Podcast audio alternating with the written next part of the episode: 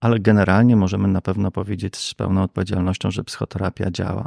Natomiast mamy inny problem, dużo poważniejszy. Do końca ciągle nie wiemy dlaczego. Poznaj samego siebie to jest hasło, które rzeczywiście w naszej profesji jest właściwie, powinno być absolutnie standardem profesjonalizmu. Znaczy, bez znajomości siebie terapeuta no, nie powinien siadać naprzeciwko pacjenta, ponieważ ilość czynników, które może zakłócać proces terapeutyczny z jego strony, jest na tyle duża, że bez tej wiedzy na swój temat będzie to proces bardzo niekontrolowalny.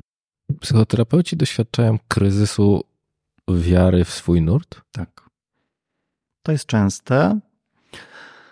E, różnie się to też manifestuje. Czasami rzeczywiście manifestuje się w postaci poszukiwań e, w innych nurtach.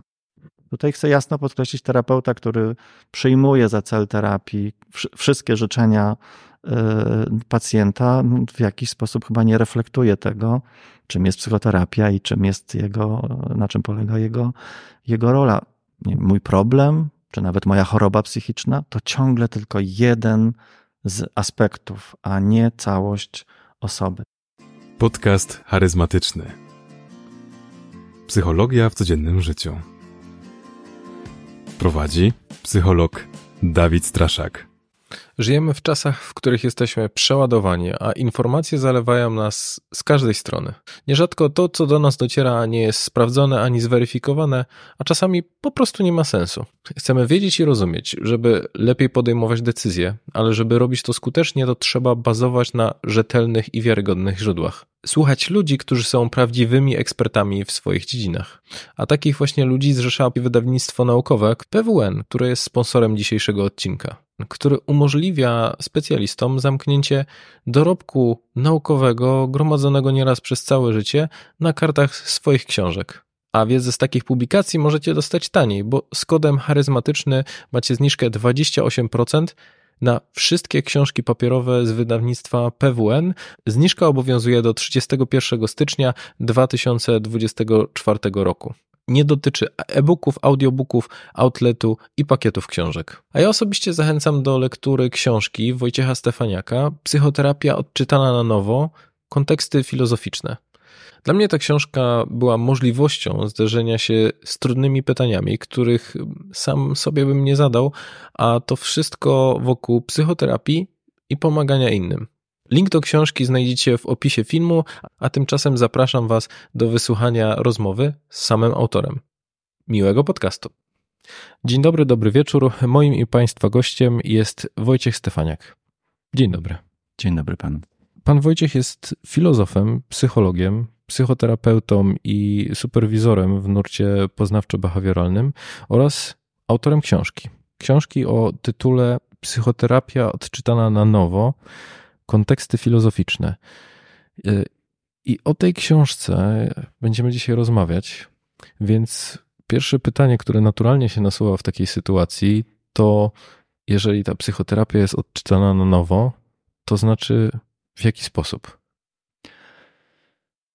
Nie ukrywam, że koncept książki y, jest we mnie od dłuższego czasu. Myślę, że jest połączony właśnie z moim e, podwójnym wykształceniem psychologiczno-filozoficznym i trochę w naturalny sposób oba obszary no, po pierwsze interesujące, ale po drugie mm, czasem ścierające się też jakby we mnie, jeśli chodzi o te dwa rodzaje wiedzy. Pomyślałem, że warto na psychoterapię popatrzeć nie tylko tak, jak to się najczęściej dzieje w kontekście warsztatowym, a więc no, większość publikacji na temat psychoterapii dotyczy przede wszystkim tego, z czego się psychoterapia składa i w jaki sposób się ją robi, i to jest jakoś zrozumiałe z perspektywy też potrzeb terapeutów i budowania ich warsztatu, a pomyślałem, że może to być również interesujące, żeby na psychoterapię spojrzeć od strony odpowiedzi na pytanie dlaczego. Czyli dlaczego psychoterapia jest tym, czym jest, co stanowi o tym, że część e, działań pomocowych do psychoterapii należy, a część nie. To był taki pierwszy ważny aspekt spojrzenia filozoficznego na psychoterapię. Drugi, i jestem o tym głęboko przekonany, to to, że patrząc właśnie w, z perspektywy filozoficznej na psychoterapię, jesteśmy w stanie wydobyć całkiem nowe, ciekawe obszary samego zjawiska, ale również mm, potencjalnych kontrowersji, jakie się z, z, z tego patrzenia filozoficznego na psychoterapię jawią. Mhm. To jak do tego, jak to łączyć? Bo myślę, że te dwa obszary, z jednej strony filozoficzny i z drugiej strony taki psychoterapeutyczny, psychologiczny, tak jak pan powiedział, że często w tej psychoterapii skupiamy się na narzędziach, które mają być hmm, pomocą w skuteczności, pomaganiu innym osobom, a trochę tą filozofię pozostawia się gdzieś z boku, a wręcz ja sobie pozwolę na takie stwierdzenie, że tej filozofii się wręcz nie chce.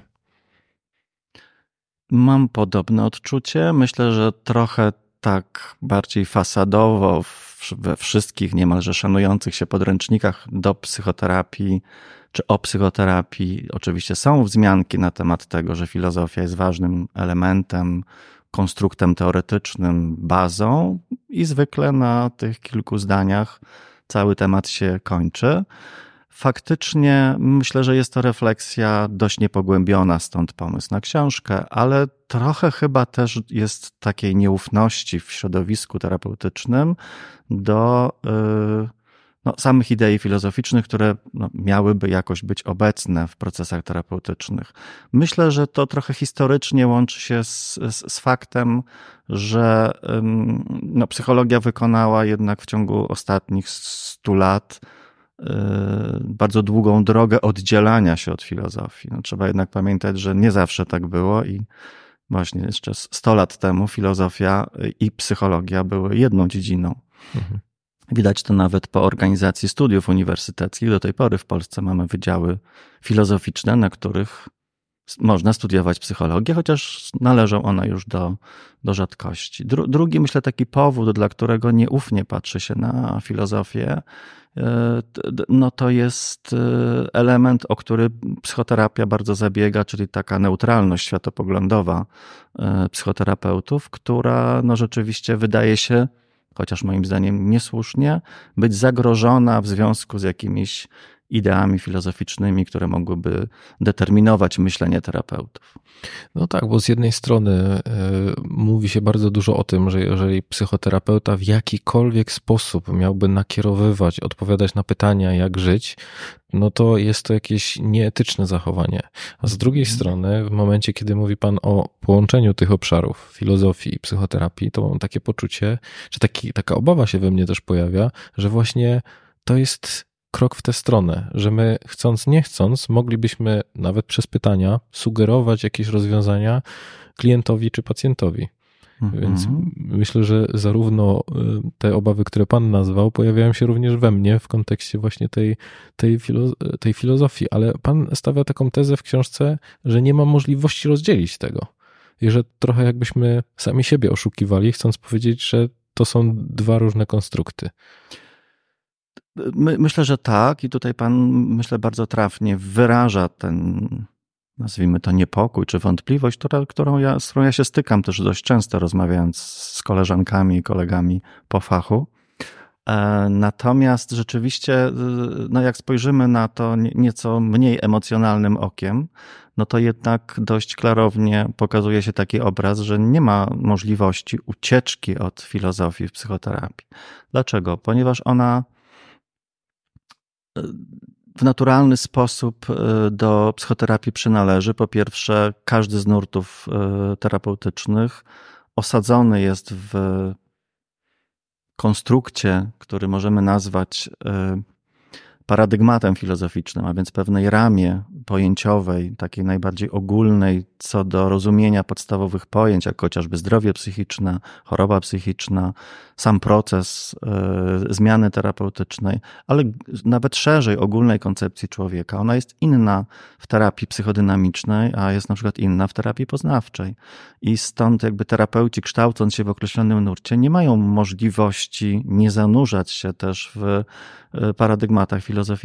Myślę, że tutaj raczej problem nie jest w tym, czy one są, czy ich nie ma, ile bardziej, czy jesteśmy ich świadomi, czy po prostu używamy ich w sposób niezreflektowany. Drugi bardzo ważny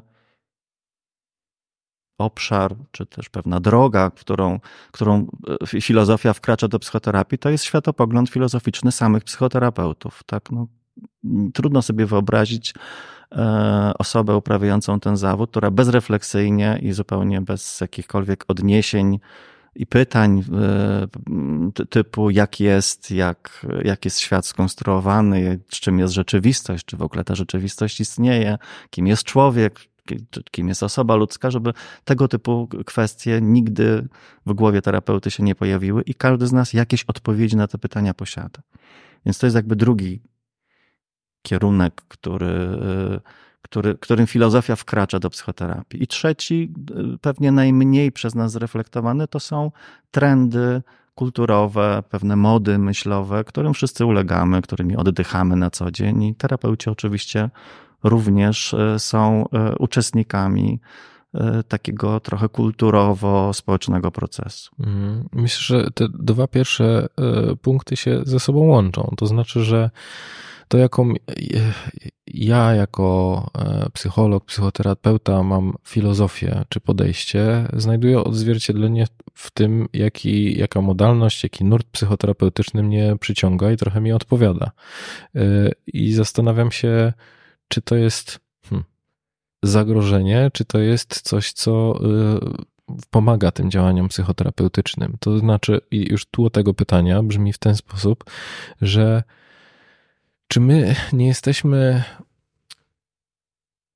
nie nie przybijamy sobie po prostu sami piątki w momencie, kiedy, czy, czy trochę upewniamy się w tym, że e, myślimy w dany sposób i tym samym zamykamy się w pewnym pudełku. To znaczy, jeżeli ja mam przeświadczenie, które reprezentuje, które znajduje odzwierciedlenie w danym nurcie e, psychoterapeutycznym i tylko nim pracuję, to czy przypadkiem nie zamykam się na całkiem inne spojrzenia na to, co się dzieje. Bo z jednej strony w szkołach psychoterapii nie zamykamy się całkowicie w jednym podejściu. Często zaprasza się prowadzących z, z innych nurtów, żeby trochę zaprosili do spojrzenia z zupełnie innej strony, ale to, jaka kolejna obawa się we mnie pojawia, to to, czy przypadkiem takie skupianie się na tej filozofii, która znajduje odzwierciedlenie właśnie w danej szkole, nie zamyka nas na takie zero-jedynkowe patrzenie, że moje jest dobre, a cała reszta już może taka nieodpowiednia. To bardzo ciekawy punkt widzenia, który Pan zaprezentował, i mm, rzeczywiście trochę tak jest, jak czasami rozmawiam z e, na przykład kandydatami do szkoły psychoterapii na temat ich motywacji i pytam, dlaczego wybierają akurat nurt poznawczo-behawioralny, to wiele osób odpowiada na to, że jest to nurt im najbliższy. Zwykle przy bardziej szczegółowej rozmowie okazuje się, że głównie mają na myśli Y, metodologię pracy, ale część osób również bardzo utożsamia się z założeniami filozoficznymi tego nurtu. Trochę myślę to dobrze, no bo wyobrażam sobie niezwykłą trudność pracy terapeuty, który no nie zgadza się ja zgadzam się, ale tylko tu były miejsca. Na, na, przykład, albo nie wiem, bo to w jakiś sposób na najbardziej efektywna formuła edukacji, czy inne pragmatyczne powody. No, myślę, że nie trudno sobie wyobrazić, że i sama edukacja takiej osoby będzie no, bardzo e, trudna, ale też i jej będzie się ostatecznie ciężko pracowało w, w nurcie, którego nie, nie, z którym nie współbrzmi również intelektualnie. I to jest na pewno fakt, tak się dzieje. Ale tutaj mówi Pan też o pewnych zagrożeniach. Ja się z tym absolutnie zgadzam, bo jeżeli spojrzymy na nasz sposób w ogóle przetwarzania poznawczego, to on oczywiście jest ogromnym zasobem każdego z nas, ale jednocześnie jest też zawsze jakimś ograniczeniem. To znaczy, trudno sobie też wyobrazić osobę, która jest tak wszechstronnie otwarta, że wszelkie idee są jej jednakowo bliskie albo jednakowo zrozumiałe. Więc trochę tak jest rzeczywiście, że, że yy, przynajmniej w pewnym okresie rozwoju terapeuty, no, jesteśmy bardzo blisko swojego nurtu, którym jesteśmy wykształceni. I myślę sobie, że to rozwojowo jest dobry proces ponieważ jest to potrzebne, żeby terapeuta się jednak osadził mocno w pewnej teorii i w pewnej metodologii, której zamierza pracować. Natomiast też często jest tak, jak się znowu rozmawia już z bardzo doświadczonymi terapeutami, oni się trochę też otwierają na inny nurt, trochę, czasami bardzo mocno. Czasami szukają też czegoś, co im ten nurt. Yy, macierzysty nie dostarczył. Więc to mhm. też nie jest tak, że to już ta droga jest raz na zawsze zamknięta i, i, i nie ma możliwości zobaczenia mm, ważnych osiągnięć innych nurtów. Ale też dochodzi wtedy często do takiej kolizji właśnie założeń filozoficznych. Też zastanawiam się, czy z pańskiego doświadczenia jako superwizor y, psychoterapeuci doświadczają kryzysu wiary w swój nurt? Tak. To jest częste.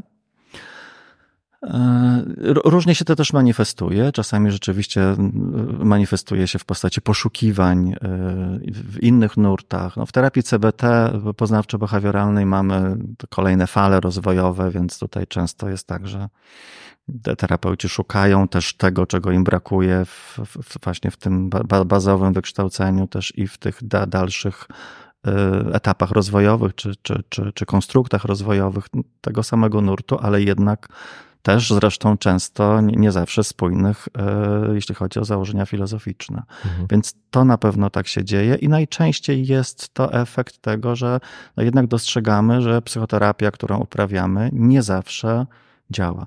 Mhm. I nie zawsze, i nie wszystkim osobom jesteśmy w stanie pomóc. No, kryzys wiary, trafnie pan to ujął, może się w taki naturalny sposób wtedy pojawić. Mhm. Ostrzegałem, że mogą się pojawić pytania też o, o pańską perspektywę. Czy pan takiego kryzysu doświadczył? Myślę, że nawet kilku y, tak naprawdę i y, rzeczywiście y, nie jest to łatwy stan. E, myślę, że w tej chwili pewnie już z biegiem lat i, i, i, i, dość, i również z, z doświadczeń, które które zbieram każdego roku pracując jako psychoterapeuta, patrzę na to też no, trochę inaczej, czyli bardziej jako proces rozwojowy, który zaprasza mnie do postawienia kolejnych pytań i dalszych poszukiwań. Więc pewnie już chyba teraz nie nazywam tego kryzysem, ale no, był czas, że faktycznie e, poszukiwania e, odpowiedzi były może mniej e, rozwojowe, a bardziej kryzysowe, jeśli to można tak określić. Emocjonalne. Emocjonalne. Bo myślę o tym w kontekście tego, czy że chyba w, w, często pojawia się taki, taka wątpliwość, jak obserwuję ludzi, którzy, którzy pracują w tej roli psychoterapeutycznej, pomocowej, że pojawia się takie pytanie, że drapią się w głowę i zastanawiają, czy ta psychoterapia w ogóle działa. Mhm. I to też pytanie, które chciałbym skierować do Pana. To jest ważne pytanie i ja myślę, że jest wszystkim też ważne z perspektywy również e, e, pacjentów czy potencjalnych pacjentów. Terapia działa i to wiemy. Mamy na, na to dużo dowodów, e, często w bardzo dobrze metodologicznie skonstruowanych badaniach. Oczywiście znowu nie jest to jednorodny materiał dowodowy w różnych nurtach, różne mhm. typy problemów są bardziej skutecznie leczone, w innych mniej, ale generalnie możemy na pewno powiedzieć z pełną odpowiedzialnością, że psychoterapia działa. Natomiast mamy inny problem, dużo poważniejszy. Do końca ciągle nie wiemy dlaczego. Czyli y, no, widzimy efekty. No, myślę, że wiele, wielu pacjentów też by to potwierdziło, że psychoterapia im pomogła, ale kiedy próbujemy w taki bardzo systematyczny, analityczny sposób rozłożyć sam proces, jak do tego doszło, no, z pewnym zażenowaniem musimy stwierdzić, że nie do końca jest to dla nas jasne. Mhm. Tak, nawet jeśli potrafimy precyzyjnie, bo oczywiście tak jest, opisać metodę, jaką stosujemy, nadal w wielu punktach tych metod nie umiemy powiedzieć, ale właściwie dlaczego to zadziałało. Co się wydarzyło. Co się właściwie wydarza. Tak? Mhm. Zresztą y, ja mam tutaj zapisany taki ciekawy cytat y, z książki. Powszechność i popularność psychoterapii we współczesnym świecie, szczególnie w zachodnim kręgu kulturowym, nie przekłada się na jej spójność ani na zrozumiałość. I trochę odnoszę się do tego trzeciego punktu, który Pan wymienił, to znaczy, że taki wpływ trochę kulturowo-społeczny, który ma w wymiarze właśnie takiej potrzeby psychoterapii, a z drugiej strony w tym cytacie tak pamiętam, że mocno mnie zatrzymał w momencie, kiedy, kiedy czytałem książkę, bo trochę to zabrzmiało, jakbyśmy hmm, brali lek i on działa, ale my nie wiemy, co w tym leku jest mhm. że on jest skuteczny. I trochę też Pan o tym powiedział, że my mówimy o tej skuteczności, mamy badania, które pokazują, no działa, tak? Ludzie przestają cierpieć, e, a z drugiej strony ciężko nam jest jednoznacznie wskazać, co tam się dzieje. I z jednej strony, hmm, jak, jak działa, to po co to zmieniać? A z drugiej strony pojawia się we mnie taka wątpliwość, że jeżeli coś działa, my nie do końca jesteśmy w stanie wytłumaczyć dlaczego, no to właśnie budzi to pewien rodzaj też y, takiej wątpliwości. Tak, ta wątpliwość, ja bym pewnie ją podzielił na, na dwie. Jest taka wątpliwość stricte poznawczo, badawczo, wiedzowa, no bo człowiek jednak z natury lubi wiedzieć i rozumieć i, e, i dążymy do tego w różnych obszarach e, naszego poznawania.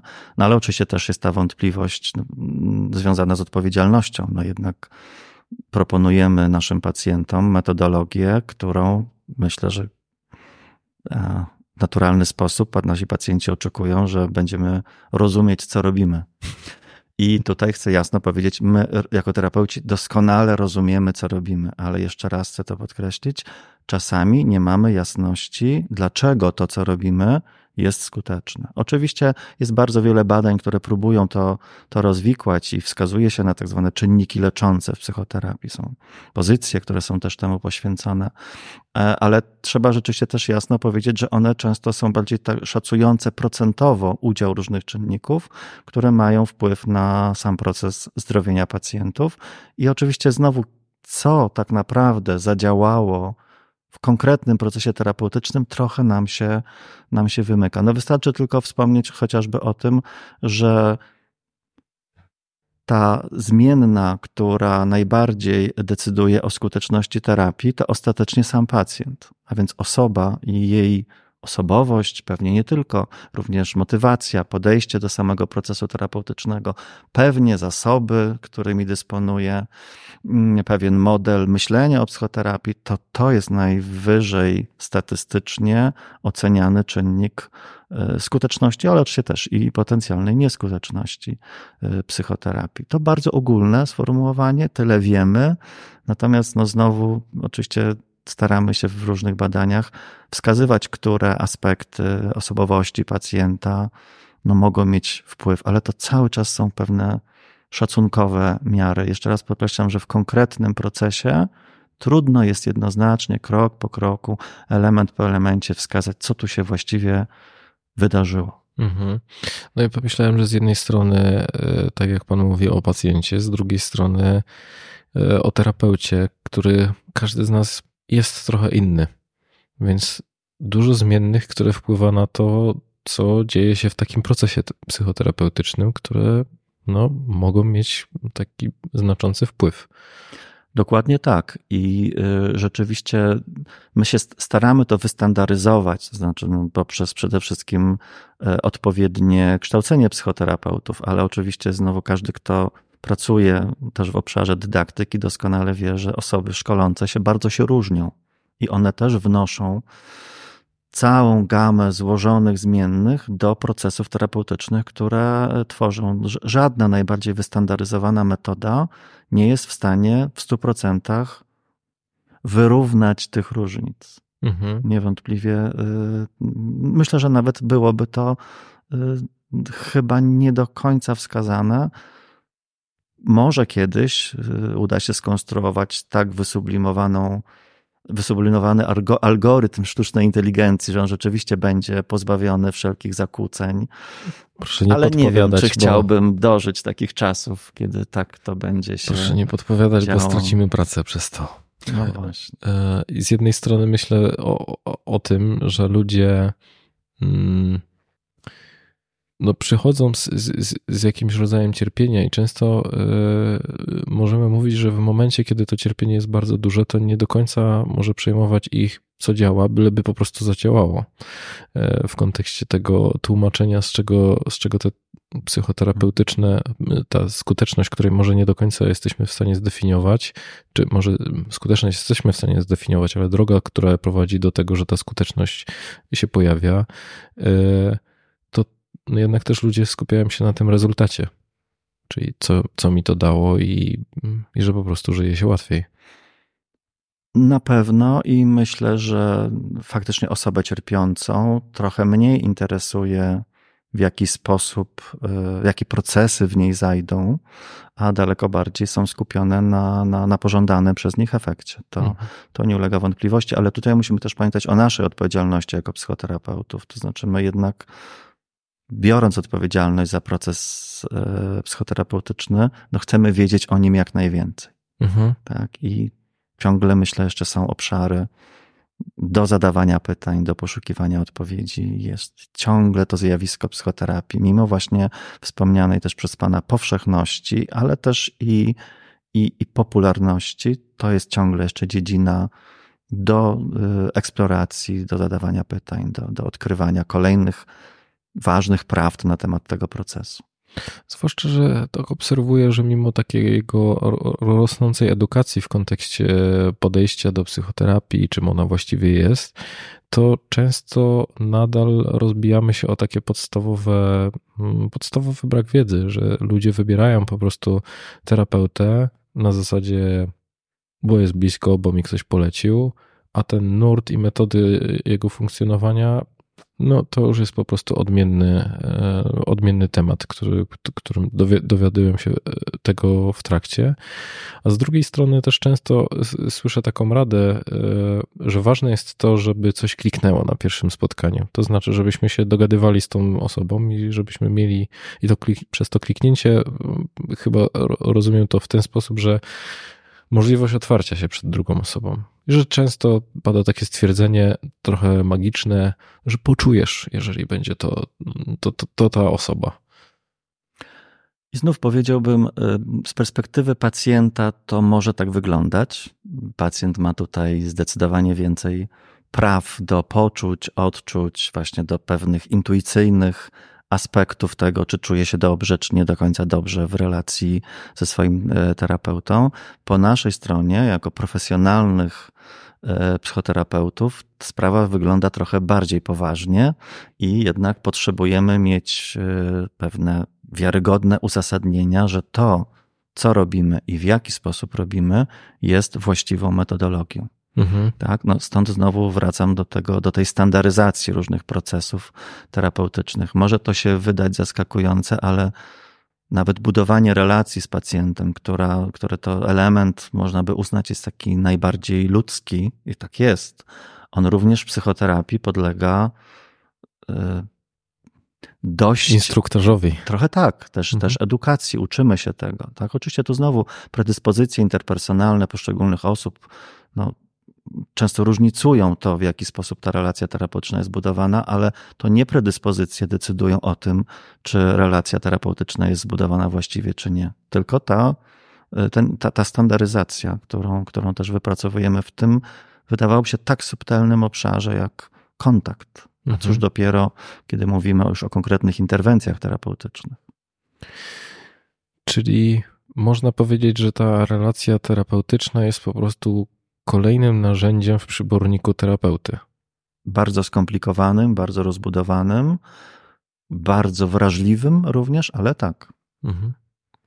Mówiliśmy, e, trochę wracając o, do tego podejścia, e, czy tej tezy, że nie ma psychoterapii bez filozofii. I z jednej strony powiedział Pan o, o tym, że filozofia łączy się z filozofią danego nurtu, danej modalności, danego podejścia.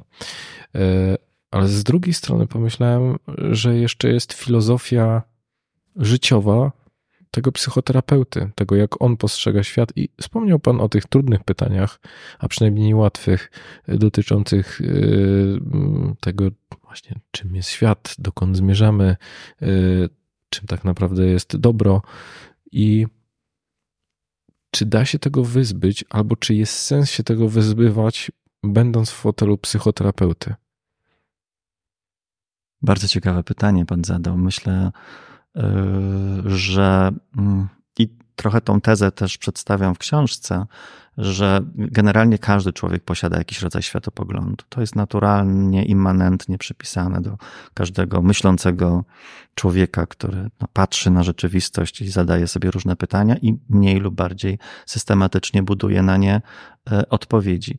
Ja trochę zachęcam i zapraszam psychoterapeutów do świadomego budowania światopoglądu filozoficznego. Co mam tutaj na myśli?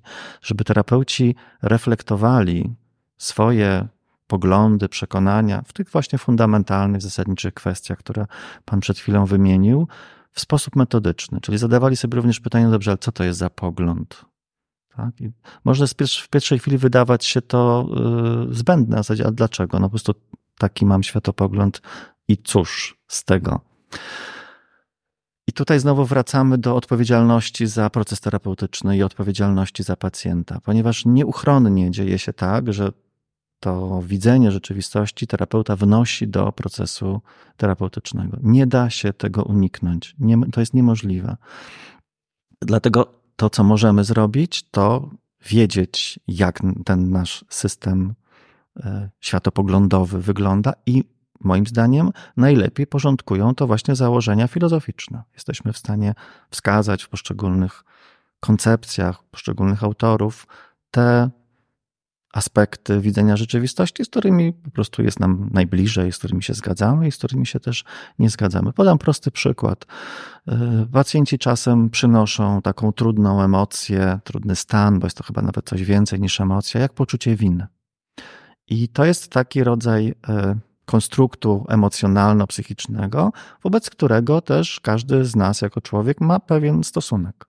Zdarza się, że na przykład terapeuci, i to jest założenie ewidentnie filozoficzne, uważają poczucie winy za przede wszystkim bardzo obciążający rodzaj emocji, który pacjenta no przede wszystkim no albo udepresyjnia, albo powoduje inne e, dysfunkcyjne skutki. I oczywiście trochę w naturalny dla swojego poglądu filozoficznego e, sposób będzie dążył do redukcji tego poczucia winy. Ale to jest tylko jedna z możliwych punktu widzenia patrzenia na poczucie winy, bo możemy na nie też spojrzeć trochę z innej perspektywy filozoficznej, jako na pewien rodzaj wewnętrznego dialogu, który e, pacjent czy osoba e, toczy ze sobą, i wtedy poczucie winy raczej będzie pewnym sygnalizatorem, że coś dzieje się w życiu tej osoby, co jakoś zaczyna być niezgodne z jego, z jego systemem wartości.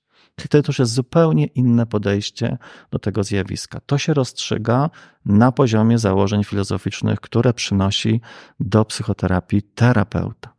No i też pojawia mi się e, ten, ten obszar związany z tym, jak psychoterapeuta podchodzi w odniesieniu do tego, jak on by zareagował w podobnej sytuacji że jednak czasami zdarza się to, że, że odnosimy te rzeczy, z którymi druga osoba przy, przychodzi, do siebie. Nie mówię o tym, że to dzieje się w, w, jakiś taki jawny sposób, no bo wiadomo, że terapeuta nie powie, ja bym się nie przejmował w tej sytuacji, bo to, to totalnie nie o to chodzi, ale że my w jakiś sposób też przyrównujemy to, co się wydarza y, do tego, y, co, co, się w nas pojawia. Z jednej strony pan mówi o tym, żeby trochę zweryfikować te swoje obszary związane z tym, tak jakby, ja bym to trochę sparafrazował, że trzeba poznać siebie, żeby wiedzieć, kiedy uważać, w których, które obszary są dla nas takimi nie, nie, niestabilnymi. Ale hmm, czy my jesteśmy w stanie zbadać wszystkie obszary? No bo jednak w takiej pracy indywidualnej to piękno i też zagrożenie tej pracy polega na tym, że jesteśmy ciągle zaskakiwani. I pytanie, czy my możemy się na to wszystko przygotować? To bardzo trudne pytanie. Um, ja jak, nie, nie, ale... nie, nie, spodziewałbym się, że to będzie jakakolwiek odpowiedź, ale y, w sensie taka jednoznaczna. Mhm. Ale jeżeli rozmawiamy o kontekstach filozoficznych, to. Trudne pytanie to nie znaczy, że nie spróbujemy na nie odpowiedzieć, oczywiście. E, słuchając pana, pomyślałem sobie, e, właściwie przypomniałem sobie e, no, hasło, które widniało na frontonie świątyni w Delfach, Gnotis Auton, poznaj samego siebie, to jest hasło, które rzeczywiście w naszej profesji jest właściwie, powinno być absolutnie standardem profesjonalizmu. Znaczy, bez znajomości siebie terapeuta no, nie powinien siadać naprzeciwko pacjenta, ponieważ ilość czynników, które może zakłócać proces terapeutyczny z jego strony, jest na tyle duża, że bez tej wiedzy na swój temat będzie to proces bardzo niekontrolowalny. Tak jak powiedziałem, nigdy nie unikniemy tego, żeby te elementy zakłócające, czasami są to elementy wpływające pozytywnie żeby wyeliminować je zupełnie, ale no dążymy, naszym ideałem jest dążyć do ich maksymalnego skontrolowania i uświadomienia. To tak odnośnie tej tezy, którą Pan tu stawia, czy, czy powinniśmy e, to, to robić? Zdecydowanie, zdecydowanie tak. No i to mam prośbę. Jeżeli mój podcast w jakikolwiek sposób Ci pomógł, to chciałem Cię prosić o przysługę. Jeżeli oglądasz go na YouTubie, to będę wdzięczny za subskrypcję, komentarz lub łapkę w górę. Jeżeli słuchasz na Spotify, to za ocenę podcastu lub obserwowanie. Dla ciebie to dosłownie chwila, a mi pomoże docierać do coraz większej grupy osób i być może trafić do kogoś, kto akurat tego materiału potrzebuje oraz prężniej rozwijać ten projekt. Z góry dziękuję.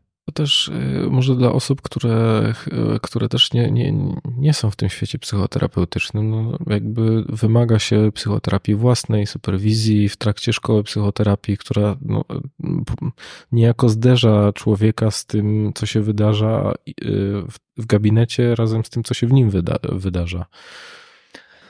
Czyli są pewne narzędzia, które hmm, poniekąd no, każą ludziom właśnie do, poznać siebie. Tak, y, myślę, że one bardziej zapraszają do tego, chociaż oczywiście i, i to mnie osobiście bardzo cieszy, że co, coraz częściej w standardach też edukacji i w standardach też pewnych wymagań, na przykład dotyczących odnawiania certyfikatów terapeutów, są to już pewne wymogi, a więc no, bliżej jest nawet do tego, co Pan powiedział, że to jest pewna konieczność, żeby, żeby to robić. Rzeczywiście i terapia własna, i różnego rodzaju też warsztaty rozwojowe, w których terapeuci powinni brać udział i de facto biorą udział.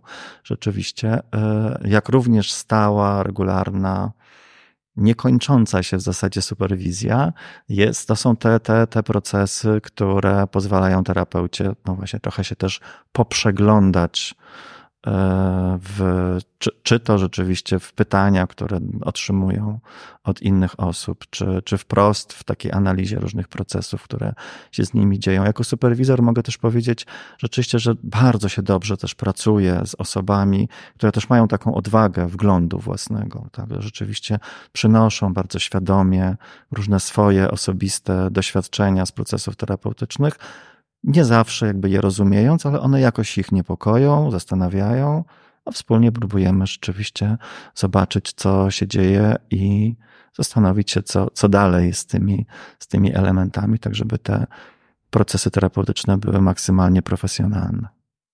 A czym dla Pana jest superwizja? To jest proces, w którym y, on jest bardzo też wielo, wielopoziomowy. To jest przede wszystkim proces, w którym terapeuta ch chce poddać oglądowi to, co robi w psychoterapii, ale też to, co właśnie, jak wspomniałem, dzieje się z nim podczas procesu terapeutycznego, y, pewnemu oglądowi y, zewnętrznemu. Tak? No, robi to po pierwsze z osobą, której ufa, robi to z osobą, którą traktuje jako doświadczoną e, w, w procesie terapeutycznym, czy, czy, ale również w procesie dydaktycznym. I trochę zależnie od potrzeb terapeuty, no czasem większy nacisk kładziemy na ten aspekt techniczny terapii, czasami to jest po prostu wspólne poszukiwanie, co jeszcze możemy zrobić, ale też często terapeuci przynoszą takie pytania związane z czy dobrze rozumiem ten proces, a może czegoś nie rozumiem, coś mi umyka, coś, czegoś, czegoś nie mogę dostrzec. No i wtedy trochę przez e, używając, nazwijmy to tak, zewnętrznego obserwatora, czy zewnętrznego umysłu w postaci e, oglądu superwizora, udaje się czasami zobaczyć rzeczy, które trudno jest dostrzec, kiedy jest się bardzo zanurzonym w proces terapeutyczny ze swoim e, pacjentem. Ale też, tak jak mówiłem, często terapeuci przynoszą też własne aspekty e, związane z ich reakcjami, nie, nie tylko merytorycznymi i metodologicznymi, ale też bardzo osobistymi. Mhm. Po, powiedzieliśmy o tym, że psychoterapia działa, ale jeżeli zakładamy, że tak jak wspomniał Pan, że tym, tym głównym obszarem skuteczności jest podejście pacjenta, podejście klienta, to zastanawiam się i trochę odnoszę się do pytań, które stawia Pan w książce. Co właściwie ta psychoterapia robi? Czy ona leczy, wspiera, czy, czy rozwija? To jedna z, myślę, istotniejszych kontrowersji wokół psychoterapii, do, do, tego stopnia istotnych, że czasem bardzo polaryzuje e, środowisko e, w, w, w kontekście odpowiedzi na, na to pytanie. Myślę, że nawet niektóre nurty bardzo mocno akcentując swoje e, stanowisko w tej sprawie, e, odcinają też, się od podejścia innych nurtów. I, I, to też widać nawet w tej nomenklaturze, bo ja używam pojęcia pacjent i klient, mhm. a czasami to jest jasno narzucone. To prawda. Ja w książce konsekwentnie używam pojęcia pacjent, wyjaśniam również dlaczego o czym może za chwilę porozmawiamy, bo myślę, że to jakoś jest ważne i istotne, ale faktycznie też ta e, różnica w nomenklaturze traktowania osoby zgłaszającej się na psychoterapię, no dużo też mówi o takim znowu bazowym podejściu psychoterapeuty do tego, co będzie się e, wydarzało podczas tego, tego procesu. I znowu trochę jesteśmy w pewnych założeniach no również filozoficznych, dotyczących przede wszystkim tego, kim jest człowiek i w jaki sposób może zajść w nim pożądana zmiana terapeutyczna. Pewnie odpowiadając na Pana pytanie, powiedziałbym, wszystkie te trzy elementy są jakoś w procesie terapeutycznym obecne, chociaż, tak jak wspomniałem, w różnej proporcji, w różnych nurtach terapeutycznych. Co może Pana zaskoczy, w książce również stawiam taką tezę, że nie stanowi to o istocie psychoterapii, czy ona jest bardziej wsparciowa, czy lecznicza, czy, po, czy pomocowa, czy nawet rozwojowa, chociaż ten ostatni element moim zdaniem jest trochę ubocznie psychoterapeutyczny, bo procesy rozwojowe dzieją się również w innych procesach, takich jak na przykład edukacja czy wychowanie, a one no, nie, nie mają też elementu stricte psychoterapeutycznego. Mhm. Czyli można powiedzieć, że czy z pańskiego doświadczenia od któregoś elementu się zaczyna najczęściej?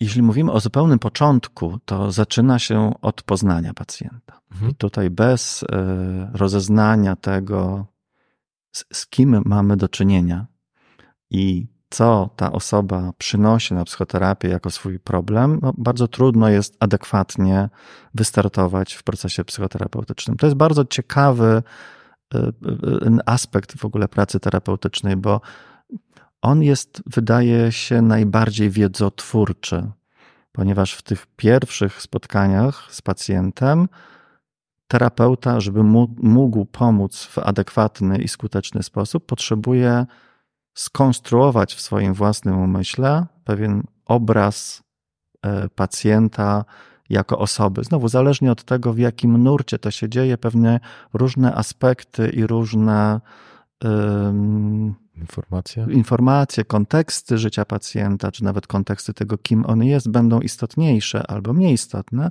ale ten proces w każdym nurcie się na początku y, dzieje. Z czego to wynika?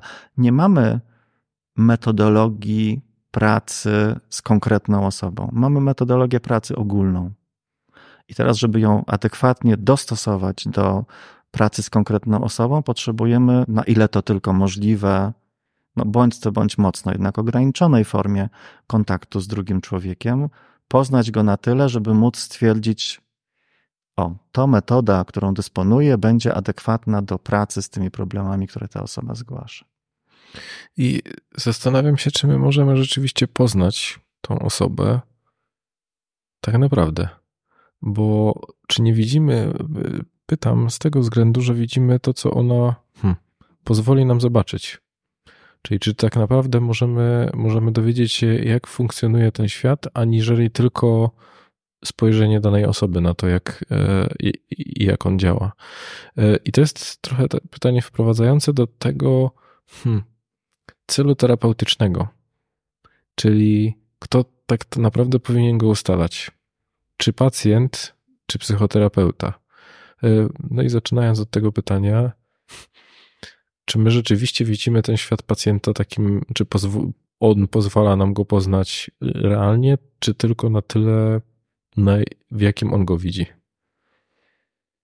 W swoim pytaniu pan zawarł tyle tez filozoficznych, że nie wiem, czy dam radę się do nie wszystkich mogłem się odnieść, powstrzymać. ale e, no, zacznę od tego, że powiedział pan, e, czy możemy naprawdę poznać pacjenta. To jest jedno z, fundamentalnych e, trudności w ogóle teorii poznawczych. Co my właściwie poznajemy? I w psychoterapii oczywiście też nie, nie jesteśmy w stanie od tego w żaden sposób uciec.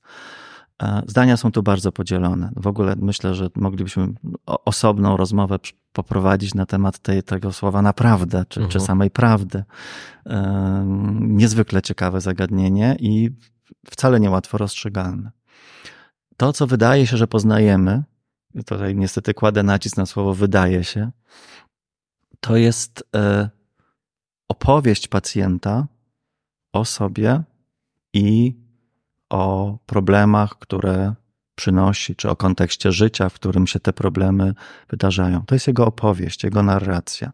My staramy się tę narrację maksymalnie zrozumieć. Na ile ona rzeczywiście oddaje prawdę o tej osobie, szalenie trudno jest nam to stwierdzić. Natomiast, co może być zaskakujące, wcale nie musimy tego ustalać.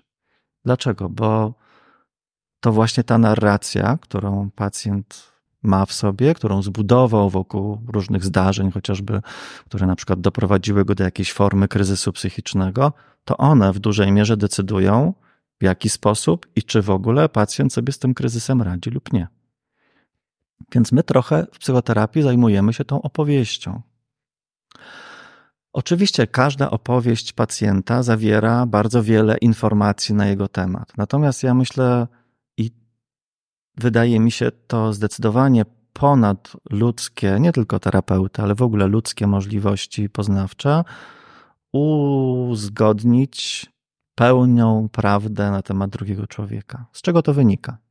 Zostawiam już nawet kwestię znowu stricte filozoficzną dotyczącą tego, jak nasz aparat poznawczy może dotrzeć w ogóle do, do prawdy o rzeczywistości, bo to, tak jak wspomniałem, osobne zagadnienie bardzo, bardzo złożone ale przede wszystkim chciałbym zwrócić uwagę na fakt, że my nie mamy jako ludzie, w tym przypadku też jako terapeuci, bezpośredniego dostępu do danych o życiu intrapsychicznym naszych pacjentów. Nie mamy takiej zdolności doświadczania tego, co się w tym życiu intrapsychicznym pacjenta dzieje. Zawsze uzyskujemy informacje od niego.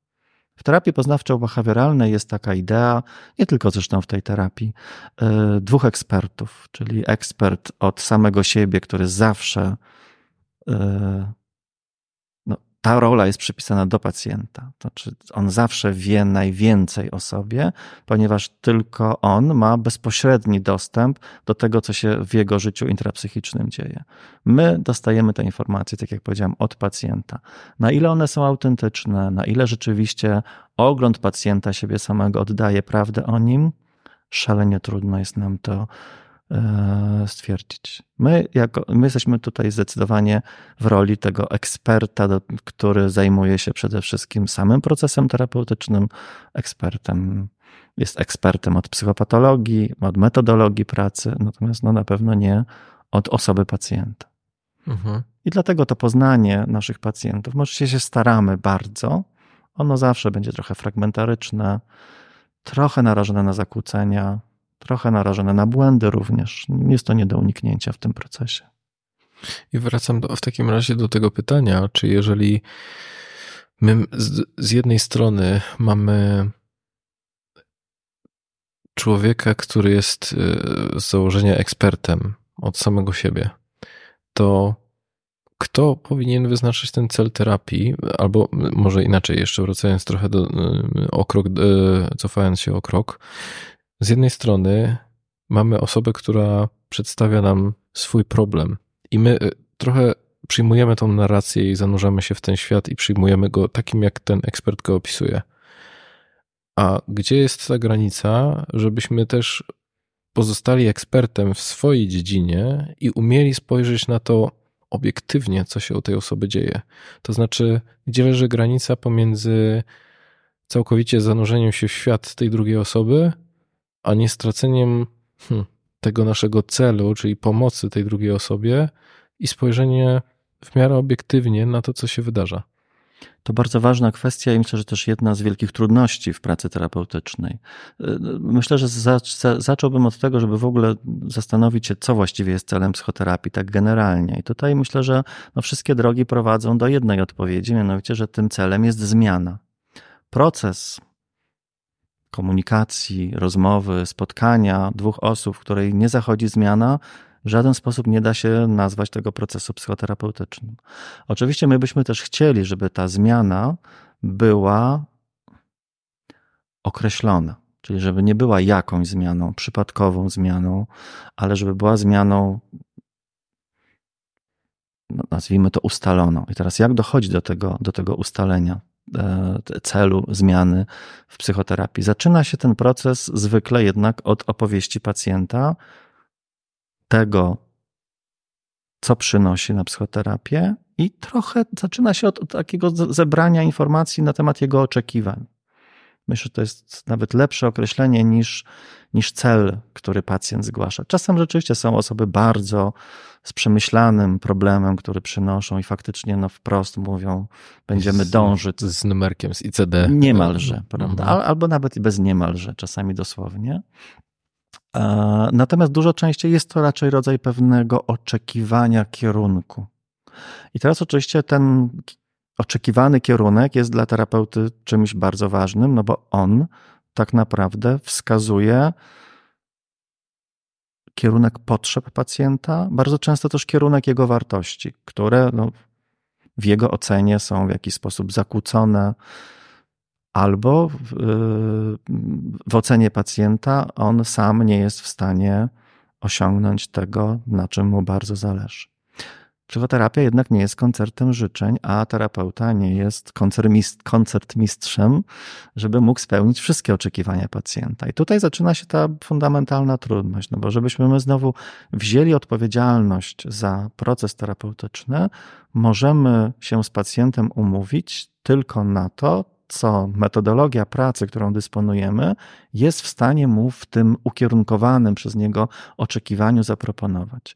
A więc tak naprawdę ten ostateczny, bardzo konkretny cel terapii, czy można by powiedzieć kształt zmiany, który, do którego dążymy w konkretnym procesie, jest efektem uzgadniania pomiędzy oczekiwaniami pacjenta, a metodologią pracy, jaką terapeuta dysponuje. Mhm. Tak? Rzadko kiedy jest tak, że, to, że te oba te elementy się idealnie pokrywają. Więc trochę tu jesteśmy w takim często skomplikowanym, bardzo delikatnym procesie negocjacji.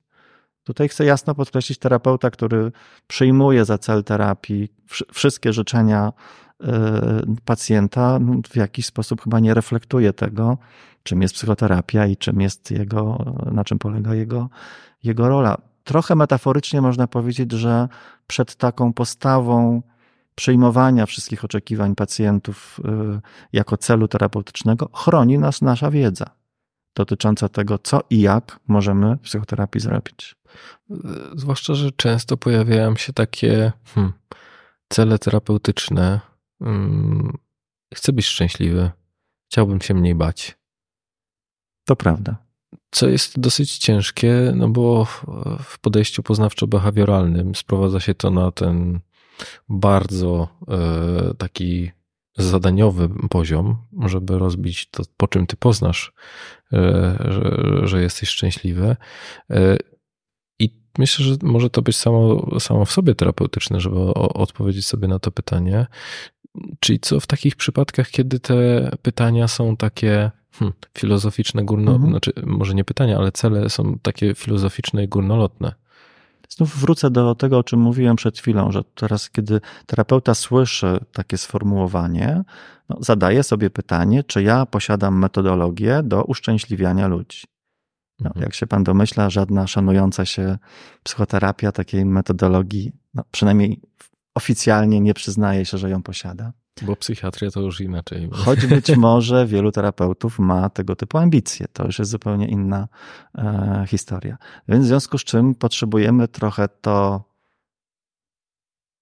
oczekiwanie pacjenta, żeby moje życie było szczęśliwe, żebym ja był szczęśliwy, no niestety analitycznie rozłożyć na, na elementy i zastanowić się wspólnie z pacjentem, które z tych elementów przynależą do możliwości psychoterapii czy nurtu terapeutycznego, którym e, terapeuta jest, e, jest wykształcony. No, wbrew temu, co mogło się w pierwszej chwili wydawać, że niewiele tu możemy zrobić, możemy naprawdę wiele zrobić. Chociażby rozpocząć od pytania, a co przeszkadza panu być szczęśliwym? Jakie elementy nie, zewnętrzne, wewnętrzne mm, powodują, że to, czego pan tak pragnie i tak potrzebuje, się nie dzieje. I tam wtedy już rzeczywiście bardziej ukonkretyzowanie jesteśmy w stanie się zastanawiać, czy z poszczególnymi w cudzysłowie przeszkodami do, do osiągnięcia szczęścia moglibyśmy już coś e, zrobić. Ale tu chcę zwrócić uwagę na jeszcze jeden aspekt, bardzo ważny w kontekście formułowania celów. Nazwałbym go pewną perspektywą aksjologiczną. To znaczy, pacjenci formułując określone cele, bardzo też nie wprost, ale jednak intensywnie zwracają nam, terapeutom, uwagę, co jest dla nich ważne. I ta ważność często przekłada się właśnie na wartości, które dla pacjenta często bardzo kluczowe, nie dzieją się w danym obszarze czy w danym e, e, okresie jego życia. I tutaj fajnie, dobrze by było widzieć też tą perspektywę aksjologiczną, a nie tylko taką stricte symptomatologiczną, ponieważ to bardzo też ułatwia porozumienie z pacjentem. Niewątpliwie pacjenci, którzy czują, że realizują też swoje wartości, terapeuta je też rozumie i afirmuje je w postaci konkretnego celu terapeutycznego, pracują po prostu zdecydowanie z większą motywacją. Mhm. To jak, jak zadbać o te wartości? Jak, jak do tego podchodzić? Zaczynamy najpierw od poznania. Tak? Tutaj, bo, bo zastanawiam się, czy y, ludzie w większości są na tyle świadomi, żeby tak jasno wyartykułować tę wartość, która jest dla nich ważna. Mhm. Czy to nie pojawia się hmm, gdzieś między wierszami? Pojawia się między wierszami. Ma, ma pan absolutną rację. No i tutaj trochę ważny jest e, pewna kompetencja terapeuty słyszenia też informacji e, między wierszami. Chciałbym, żeby dobrze było zrozumiałe to określenie między wierszami. To nie jest tak, że my czytamy jakieś ukryte intencje pacjentów albo właśnie słyszymy rzeczy, których oni sami nie słyszą. To nie do końca o to też chodzi. Ile bardziej rzeczywiście w pewnych konstruktach, które pacjenci przedstawiają, my sobie zadajemy pewne pytanie, czy tu w tym, na przykład w, tej, w, tej, w, tej, w tym pragnieniu pacjenta bycia szczęśliwym jest jakiś aspekt związany z jego wartościami. Tak? I oczywiście tutaj jest kilka różnych możliwych ścieżek postępowania. Jedną z nich, taką chyba najbardziej bezpieczną, tak bym powiedział, dla procesu terapeutycznego jest y, stawianie pewnych hipotez wspólnie z pacjentem próba ich zweryfikowania lub sfalsyfikowania. Mhm. To jest taka metodologia, w której rzeczywiście znowu terapeuta, na ile to tylko możliwe, ogranicza własny punkt widzenia na temat chociażby szczęścia albo możliwości jego e, uzyskania, no bo to też jest znowu założenie stricte filozoficzne. Pewnie wiele osób uśmiecha się na hasło szczęście, no przecież to w ogóle nie istnieje. Albo jest, albo bywa, ale na pewno nie, nie da się go zachować. I tu cała, całe piękne, pewnie różne opowieści, bardzo filozoficzne, mogą nam się pojawiać. I często spotykam się z takim e, odniesieniem e, czy porównaniem do, do, do góry lodowej w kontekście tego, że kiedy przychodzi pacjent do gabinetu, e, czy to też lekarskiego, czy też właśnie psychoterapeutycznego, to on mówi o wierzchołku góry lodowej, który widzi, którego, który go uwiera.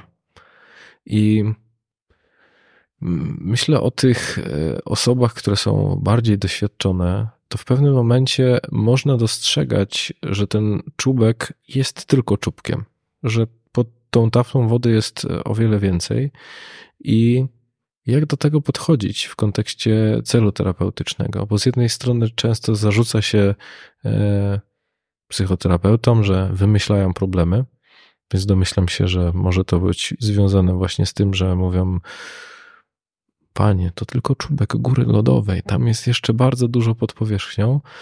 I z drugiej strony, y, jak to zrobić, żeby spojrzeć na to obiektywnie, czy to nam się nie wydaje, że ten czubek widzimy, e, że, że, że widzimy coś pod powierzchnią, czego nie ma, a z drugiej strony, żeby nie skupiać się tylko na tym, co mogłoby być powierzchowne.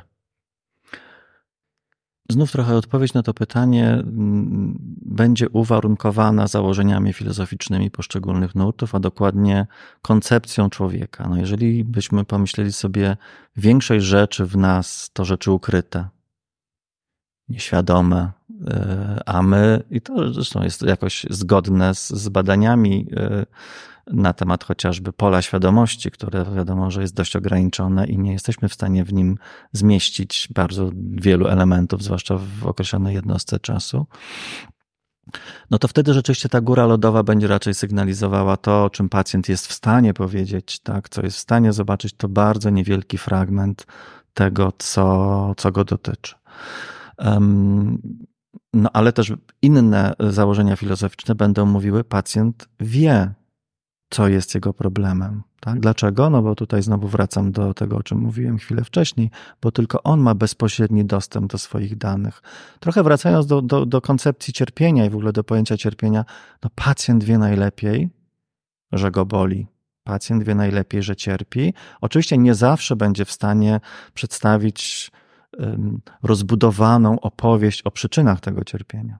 To często wykonujemy we wspólnej pracy.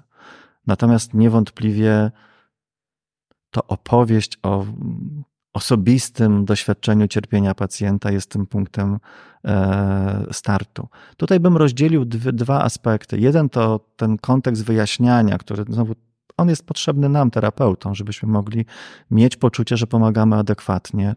Poczucie to może nawet złe słowo, mieć rodzaj pewności, że pomagamy adekwatnie i dlatego no, ubieramy cierpienie pacjenta w pewną teorię.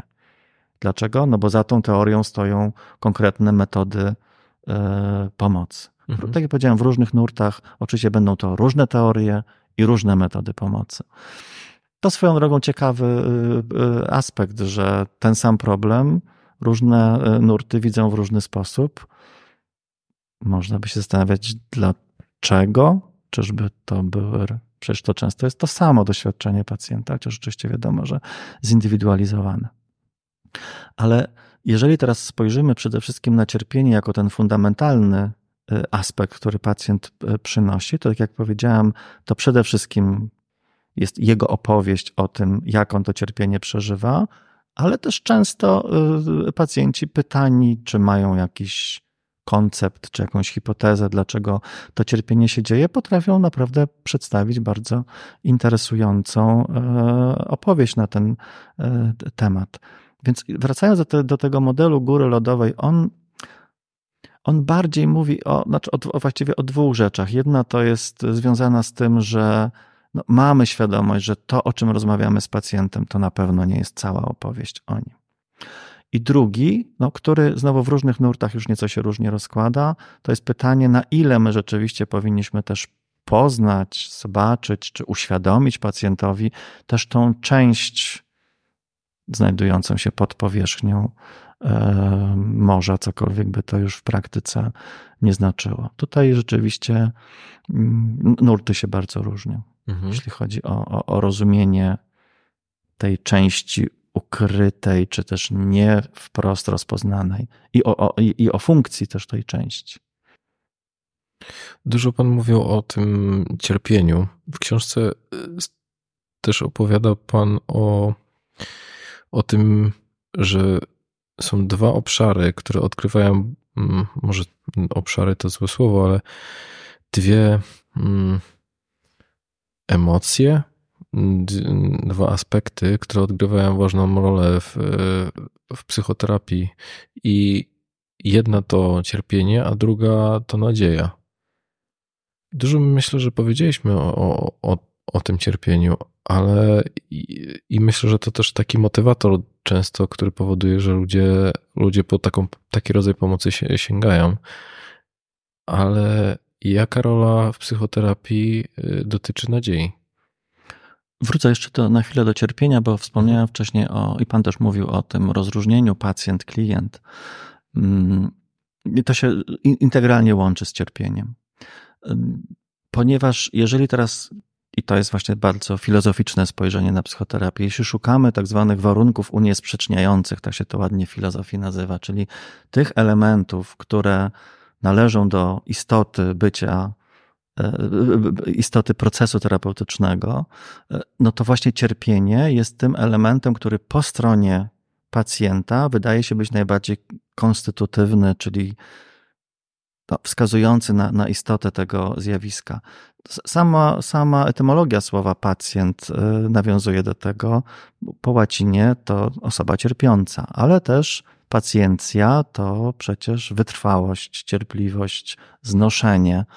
I jak spojrzymy na chociażby właśnie etymologiczną stronę, to, to jest właśnie opis osoby, która przychodzi na psychoterapię. Z jednej strony cierpię, z drugiej strony przynoszę to cierpienie do ciebie, drogi terapeuto, ale mam też w sobie pewien rodzaj determinacji, wytrwałości, żeby w procesie redukcji dysfunkcyjnych elementów mojego cierpienia wspólnie z Tobą uczestniczyć.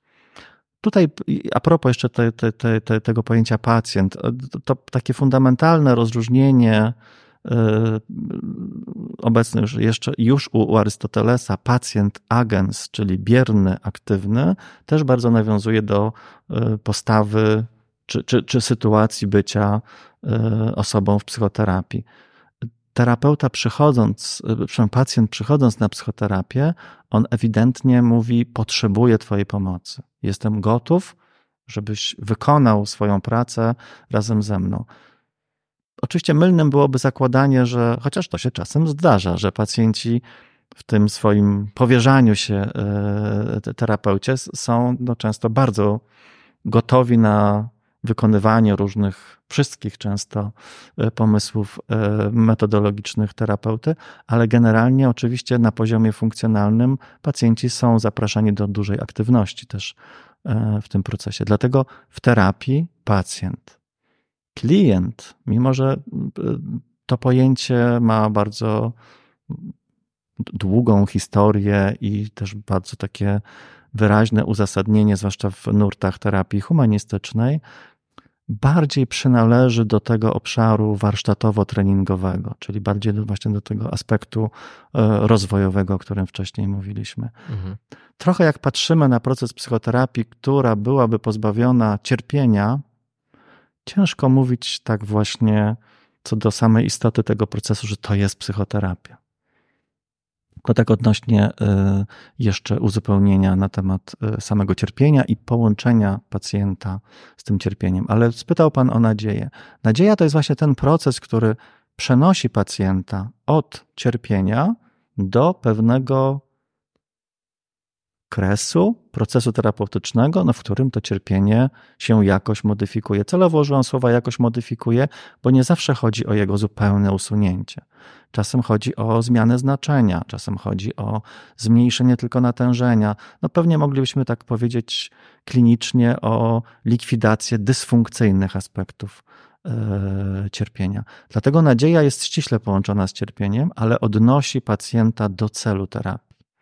Oba elementy są niezbędne, ponieważ no bez cierpienia, tak jak powiedziałem, trochę nie ma przedmiotu pracy e, dla terapeuty i w procesie terapeutycznym trochę nie wiadomo, czym byśmy się mieli zajmować. Nadzieja jest znowu niezbędna, żeby pacjent mógł z poziomu cierpienia, które przynosi, odnieść się do kresu procesu, i tam najczęściej to właśnie dzięki nadziei budują się adekwatne cele terapeutyczne. Gdybyśmy sobie wyobrazili też pacjenta bez nadziei, pacjent będzie bardzo bierny.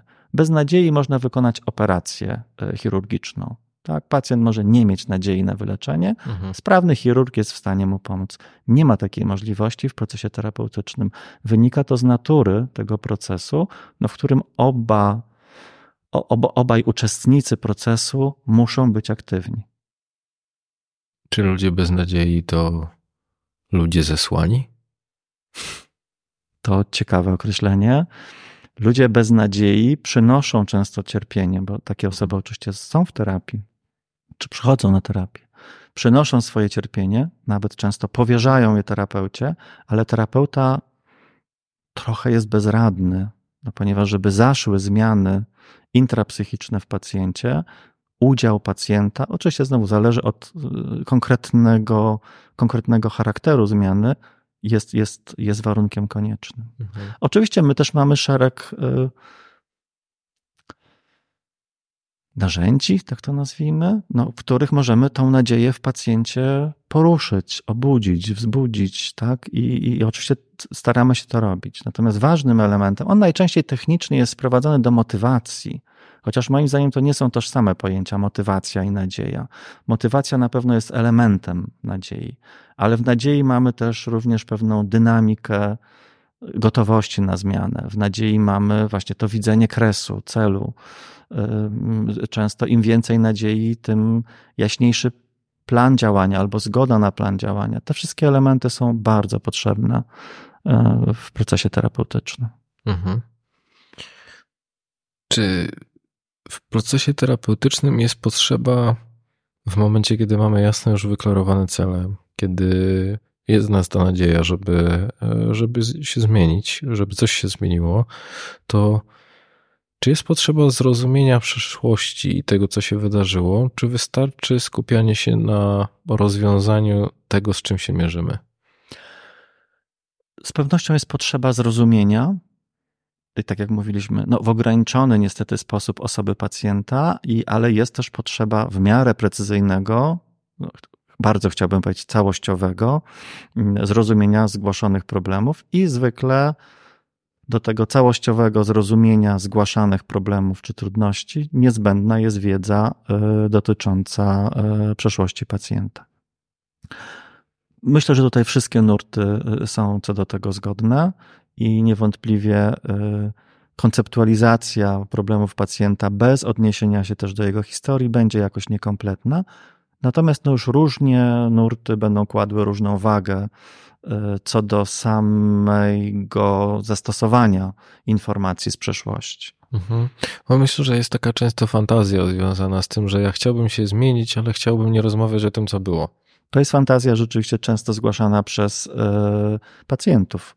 Dlaczego? Bo trzeba też pamiętać, że część osób ma już, e, zgłasza się na psychoterapię, ma już doświadczenie wcześniejszej psychoterapii, gdzie być może czasami zbyt intensywnie eksplorowano wątek przyszłości i z różnych względów on no, niewiele zmienił w, w, w życiu pacjentów. Czasami są osoby, które są po prostu zniechęcone do, do mówienia o przeszłości, do, do zajmowania się tym aspektem, wskazując, że przecież problem dzieje się e, w teraźniejszości. To rzeczywiście myślę takie klarowne wyjaśnienie, po co są nam potrzebne te informacje, dlaczego to jest pożyteczne, żeby terapeuta miał też ten, tą wiedzę na temat historycznego kontekstu czy rozwojowego kontekstu życia pacjenta, no zwykle jakoś uspokaja te, te, te wątpliwości.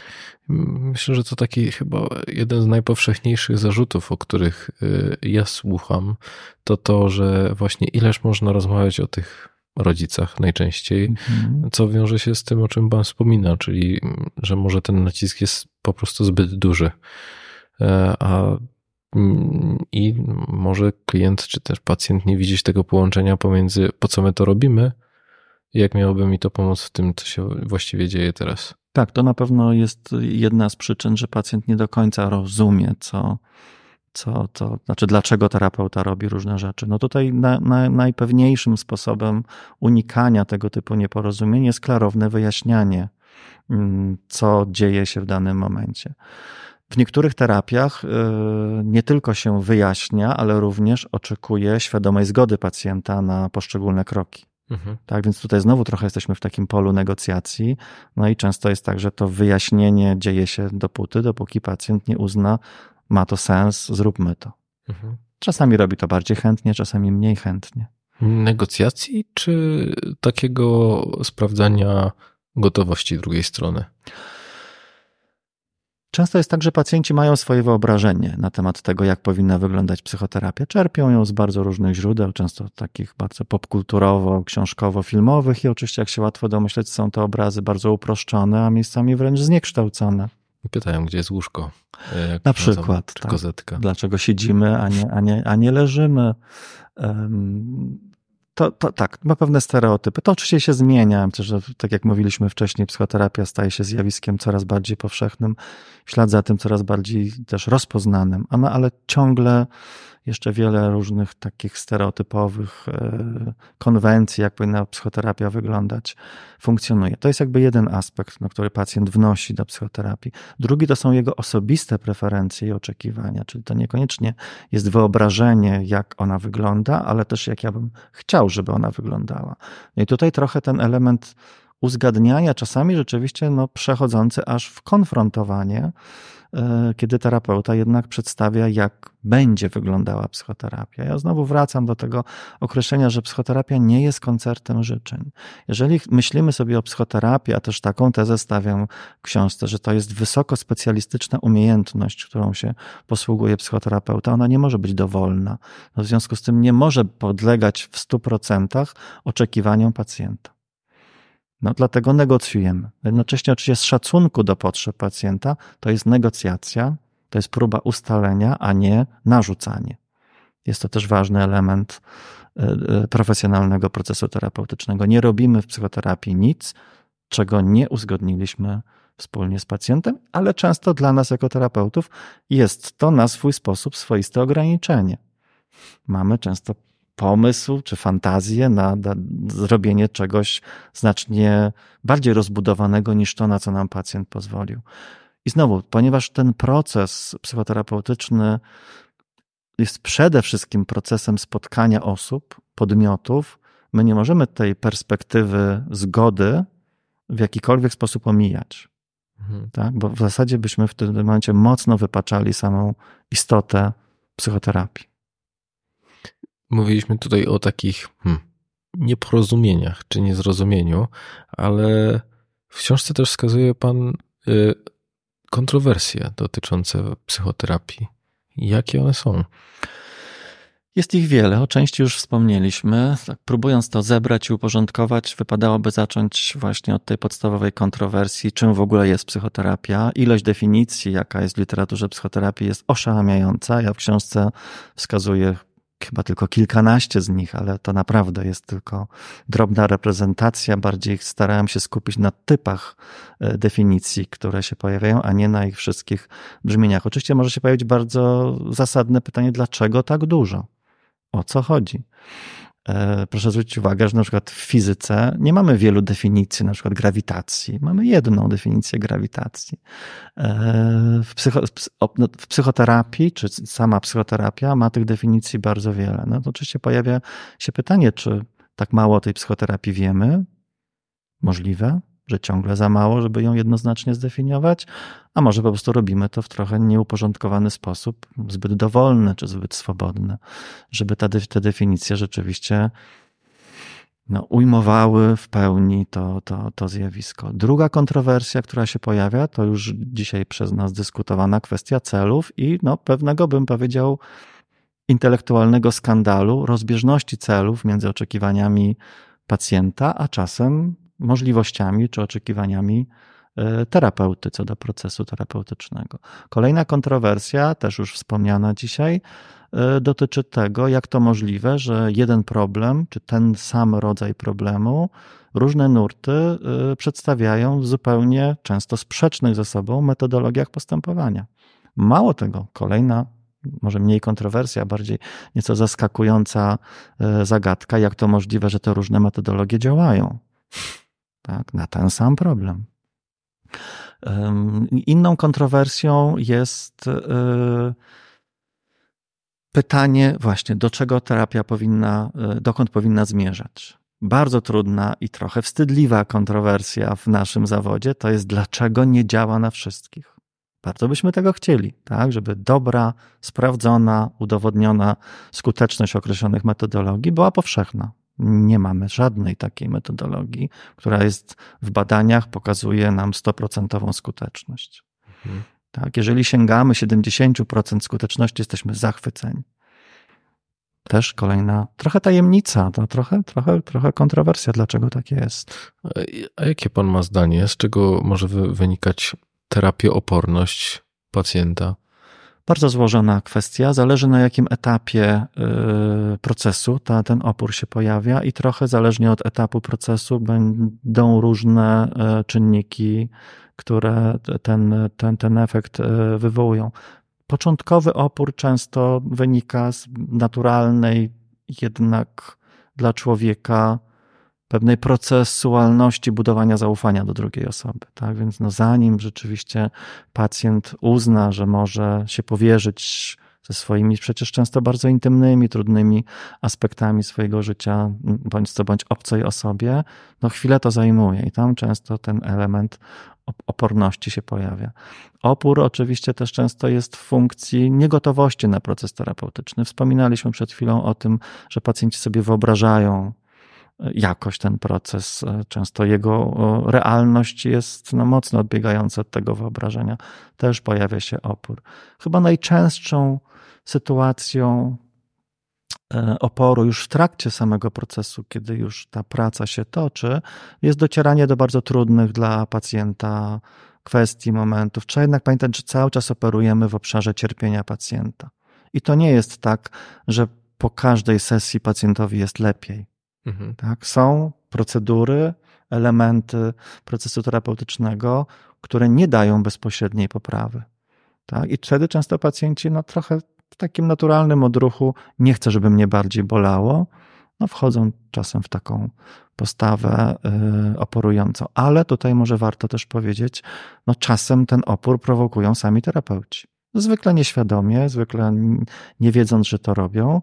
No, czyli kiedy pacjent odczyta zachowanie swojego terapeuty jako no i tutaj gama jest bardzo rozbudowana, no, zaczynając od skrajnych w stylu wrogie, e, wrogie mi, po może mniej trudne, chociaż to zawsze zależy od osoby e, pacjenta, mało uważne, że terapeuta jest czytany jako osoba, która się nie skupia albo niewystarczająco, niewystarczająco angażuje. Mhm. To to jest też ważny element i często rzeczywiście bardziej, znaczy najpierw dostrzeżemy sam, same przejawy oporu, a dopiero później możemy zadać sobie, czy próbować zadać pytania, co się właściwie wydarza, czy wydarzyło. Już trochę powiedzieliśmy o, o tym, co terapeuci mogą robić źle, ale pojawia mi się to pytanie, jaki w takim razie powinien być ten psychoterapeuta? I wiem, że to pytanie, na które nie ma jednoznacznej odpowiedzi, ale jeżeli podejmujemy przez całą rozmowę takie ciężkie, to spróbujmy również z tym. Oczywiście robi się bardzo wiele badań, które próbują dookreślić pożądane kompetencje, i ja nie będę się na ten temat wypowiadał, dlatego że to też nie jest perspektywa filozoficzna. W perspektywie filozoficznej, jak pytamy, kim jest dobry terapeuta, to próbujemy się znowu odnieść do tych czynników uniesprzeczniających, czyli bez których nie ma dobrego terapeuty. Mhm. Więc jakbyśmy tak trochę syntetycznie chcieli ująć ten, ten problem, czy to zagadnienie, to wypadało powiedzieć, że dobry terapeuta to jest adekwatnie wykształcony praktyk z doświadczeniem, posiadający wysoki poziom wrażliwości.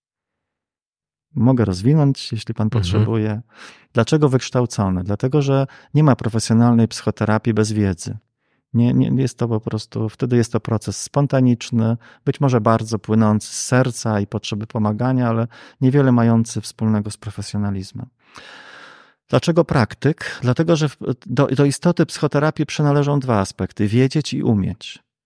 I dlatego no, terapeuta, który tylko wie albo tylko pisze o psychoterapii, a nie, nie, nie uprawia, no ciężko o nim powiedzieć, że jest dobrym psychoterapeutą, ale też i w drugą stronę. Terapeuta, który jest całkiem biegły w metodologii, ale nie rozumie tego, co robi, też trudno powiedzieć, że jest to dobry yy, psychoterapeuta. A więc tutaj ten element wiedzowy i element praktyczny się yy, ze sobą łączą.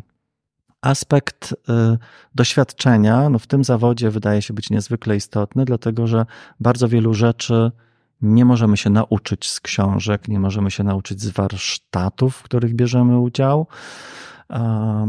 Potrzebujemy doświadczać wielu procesów i dopiero z tego doświadczenia czerpać. Oczywiście staramy się też to robić w taki metodyczny i refleksyjny sposób, a więc zadając sobie pytania, czego właśnie doświadczyłem, co tu się wydarzyło, wtedy też ta nasza kompetencja terapeutyczna się e, znacząco e, rozbudowuje. No i wspomniana na końcu przeze mnie wrażliwość, którą w psychoterapii rozumiemy nie jako stan uczuciowy. Często jest to rzeczywiście mylone, że osoba wrażliwa, no to taka bardzo emocjonalna. Wrażliwość w psychoterapii to przede wszystkim kompetencja umysłu. To jest pewna postawa terapeuty do gotowość do czytania potrzeb e, drugiego człowieka, no, w przypadku psychoterapii e, pacjenta, i również gotowość do adekwatnej odpowiedzi. Więc znowu, no, ciężko wyobrazić sobie dobrego psychoterapeutę bez tak zdefiniowanej wrażliwości, no bo byłby to świetny teoretycznie ekspert, który nie jest zainteresowany wdrażaniem tej wiedzy do procesu pomagania. Nie będzie wtedy oczywiście psychoterapii, no ale też no, nie będzie dobrego psychoterapeuty. O ile można zweryfikować ten pierwszy e- element, będąc pacjentem, to jak odnieść, po czym poznać, będąc laikiem, słuchającym po prostu tego wywiadu i zastanawiającym się właśnie, skąd wiedzieć, że to jest do, to dobra, dobrze trafiłem, to co by pan powiedział? Jak, na co zwracać uwagę? To bardzo trudne pytanie, bardziej bym powiedział wręcz marketingowe. Mhm. E, oczywiście zgadzam się z Panem, że kwestie wykształcenia stosunkowo możemy łatwo zweryfikować, chociażby sprawdzając, czy terapeuta ma no, adekwatne certyfikaty. Które... Sprawdzając po prostu opis, czy tam stronę tak, internetową, tak, które mamy potwierdzają. to podane na tace. Mhm. Dokładnie tak. Jeśli chodzi o praktykę, no to oczywiście znowu tak z perspektywy osoby poszukującej terapeuty, no pewnie często pa pa patrzymy na staż pracy tej osoby, na miejsca, w których ta osoba pracowała, czy też zagadnienia, którymi się zajmowała, zajmuje. Możemy trochę pośrednio w ten sposób wywnioskować, czy jest to osoba no, praktycznie zajmująca się psychoterapią i od kiedy się zajmująca, i to będzie też po części korespondowało z doświadczeniem, chociaż to ostatnie jest nam zweryfikować najtrudniej, no bo niestety nie tylko to kiedyś było takie pojęcie wysługa lat, e, będzie decydowała, czy terapeuta jest doświadczoną osobą, czy nie. Tutaj faktycznie jest to chyba najtrudniejszy do zweryfikowania e, aspekt, ponieważ to, to, to, to doświadczenie jest przede wszystkim zmienną rozwoju terapeuty. Mhm Chyba, tak myślę teraz, e, próbując wybrnąć z tego trudnego pytania, e, no to właśnie te opinie, które pacjenci czytają o mhm. swoim potencjalnym terapeucie, dają tam jakiś rodzaj informacji na ten temat. No chociaż znowu trzeba pamiętać, że inne osoby, które się zetknęły z, z tą konkretną osobą, przedstawiają jego obraz z własnej perspektywy, więc to nigdy nie jest w 100% wiarygodne, ale niewątpliwie daje jakiś, jakiś obraz yy, no, tego, z, z jaką osobą yy, się zetknęło. To jest po drugiej stronie i też myślę o tym aspekcie związanym z wrażliwością. To chyba to to przypisałbym do tego, o czym mówiłem wcześniej, że dana osoba mówi, że coś mi kliknęło. Czyli, że trochę nie odważyłbym się tutaj wskazywać jakichś hmm, takich poznawczych yy, określeń, którymi można byłoby się kierować, ale bardziej taki, tak nazwę to górnolotnie, że kierować się sercem w tym wszystkim. To prawda i rzeczywiście nie tylko to pierwsze wrażenie, ale no, generalnie taka świadomość e, adekwatnego kontaktu e, z terapeutą jest dla wielu pacjentów bardzo istotna. Znowu my jakby uczymy się też tego, tak, żeby ten kontakt budować w taki sposób, żeby on był dla pacjentów e, jak najbardziej adekwatny. Chociaż oczywiście no trochę tak jest, że co osoba, to nieco inny rodzaj kontaktu jest, e, jest tym adekwatnym, więc no tutaj też i elastyczność, jaką się terapeuta wykazuje, jest, jest, jest ważnym, ważnym e, e, e, aspektem. To trudne pytanie z tym kliknięciem, dlatego mhm. że myślę sobie, że znowu to jest jeden z tych aspektów procesu terapeutycznego, który nam trochę umyka w takim precyzyjnym e, zdefiniowaniu samego zjawiska kliknięcia, jeśli tak, tak bym tutaj to, to ujął. No bo niewątpliwie to jest trochę konglomerat tego, że terapeuta spełnia oczekiwania pacjenta, te, te takie pierwotne założenia, z którymi przyszedł na terapię, ale też zwykle jest to jakaś ważna funkcja tego, na ile też potrzeby Y, pacjenta, a przynajmniej mm, to może nawet nie, nie, nie, potrzeby, które już są zaspokajane na, na nie wiem, pierwszych spotkaniach, bo to ile raczej, kiedy właśnie wspomniana nadzieja pojawia się, że moje potrzeby będą tu zaopiekowane i moje problemy będą zaopiekowane. Mhm. Tak naprawdę to kliknięcie na początku, zwłaszcza procesu, no jest wypadkową bardzo wielu elementów. Dopiero potem możemy to kliknięcie nazwać, a na samym początku. Ale też je weryfikować w trakcie procesu, bo to też wcale nie nierzadka sytuacja, że fajnie się zaczęło, ale później w trakcie no, dochodzi, tak jak w każdym typie relacji, do urealnienia, czasem do rozczarowania, jakiegoś zawodu nawet osobą terapeuty, czy też metodologią, którą on proponuje. Trochę jak w każdej relacji, ona też ma swoje fazy i wzloty i upadki. Czyli mówi Pan o tym, żeby być gotowym na odkliknięcie. Na pewno byłoby to y, pożyteczne, chociaż też myślę sobie, że dla wielu pacjentów na początku było, jest to chyba trochę za trudne, żeby no właśnie, bo tutaj znowu wracamy do tego, że jednak to są to osoby, które nie przychodzą z ciekawości na terapię, tylko przychodzą z cierpieniem. Więc znowu ten, ten ładunek nadziei, że będzie dobrze, że dostanę to, czego potrzebuję, jest ważnym elementem. Tutaj, żebyśmy się też dobrze zrozumieli, absolutnie nie nawołuję teraz do fikcyjnego budowania pustej nadziei u pacjentów, bo to nie jest jakoś trudny proces, ale on byłby bardzo manipulacyjny.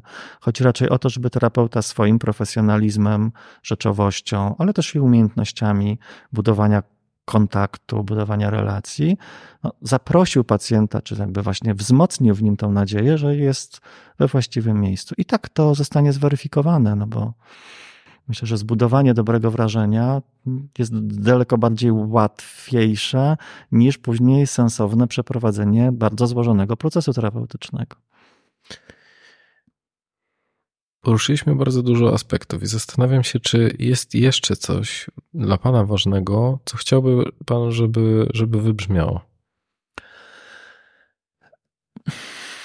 Myślę, że jest wiele kwestii. Teraz myślę też o różnych aspektach, które poruszałem w książce.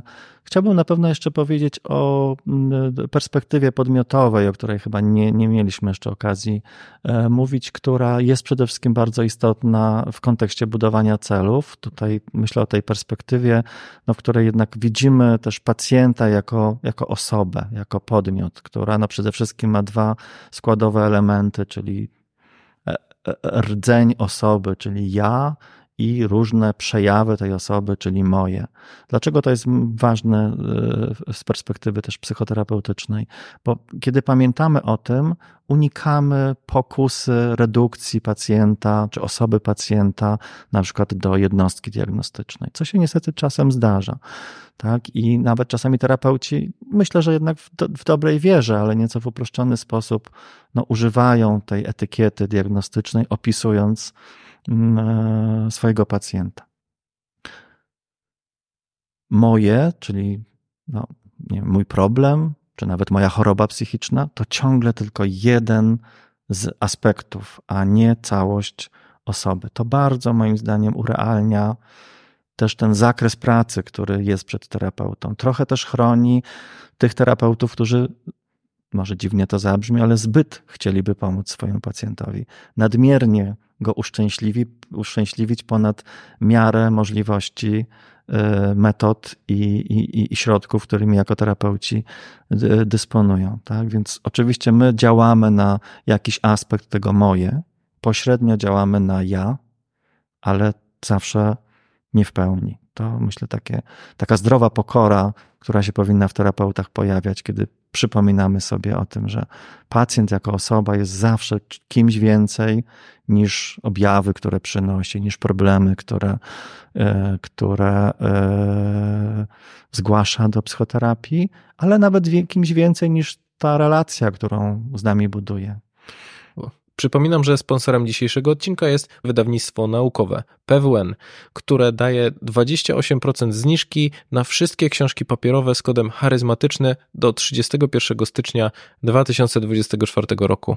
To, to takie łatwe, żeby schować się za tą psychopatologią i użyć właśnie tego numerka z ICD, chociaż mam wrażenie, że ta zmiana, która następuje w, w, w kolejnej wersji ICD, trochę pokazuje, to, o czym Pan mówi, że to nie ma już konkretnego zaburzenia, tylko jest pewne spektrum, mhm. na którym znajduje się człowiek. Więc może każdy z nas. Jest to, to duża rewolucja w diagnostyce, rzeczywiście, zwłaszcza w diagnostyce zaburzeń osobowości, no, gdzie odchodzimy trochę od tego ilościowego widzenia objawów no, w kierunku bardziej wskazywania wymiarów czy poszczególnych cech, czy aspektów, które się na konkretny typ osobowości składają. Myślę sobie, że to jest dobry y, kierunek, ale tutaj chcę też zwrócić uwagę na, no właśnie, pewne zjawiska, które też trochę właśnie w opozycji, trochę może wobec buntu do takiego kategorialnego ujmowania tego, co przynoszą pacjenci, prowadzi czasem niektórych terapeutów do zupełnego zanegowania sensu stawiania diagnoz, co wydaje się ja przynajmniej takie przyjmuję stanowisko, no jest zbyt radykalnym. W sensie, że ludzie y, mówią, że nie ma sensu stawiać diagnozy. Nie ludzie, terapeuci. A, aha, no, ludzie, oczywiście ja to rozumiem, to bo ludzie, ludzie, pacjenci nie chcą być często etykietowani, mhm. E, natomiast czasem robią to też terapeuci i no, mówią jakby o tym, że to właśnie ograniczanie pacjenta do e, etykiety diagnostycznej jest po prostu nieuprawomocnione. Oczywiście, że tak, natomiast absolutnie to nie znaczy, że zobaczenie problemów pacjenta w pewnej kategori kategorialności czy typu problemu nie jest dla terapeuty y, użyteczne. Mhm. Dlaczego? No bo my znowu posługujemy się metodologią pracy do konkretnych problemów. Nie mamy, jeszcze raz podkreślam, metodologii pracy z Janem Kowalskim. Nie istnieje coś takiego. Jak leczyć, skoro nie wiadomo co? Niewspomniana przeze mnie kolejna kontrowersja, e, wielka kontrowersja w psychoterapii. Co my właściwie leczymy? Prawda? No bo raczej nie konstrukt statystyczny o nazwie numer w ICD. Mhm. Prawda? I nie jest to wcale łatwa odpowiedź. Znaczy, na pewno niejednoznaczna.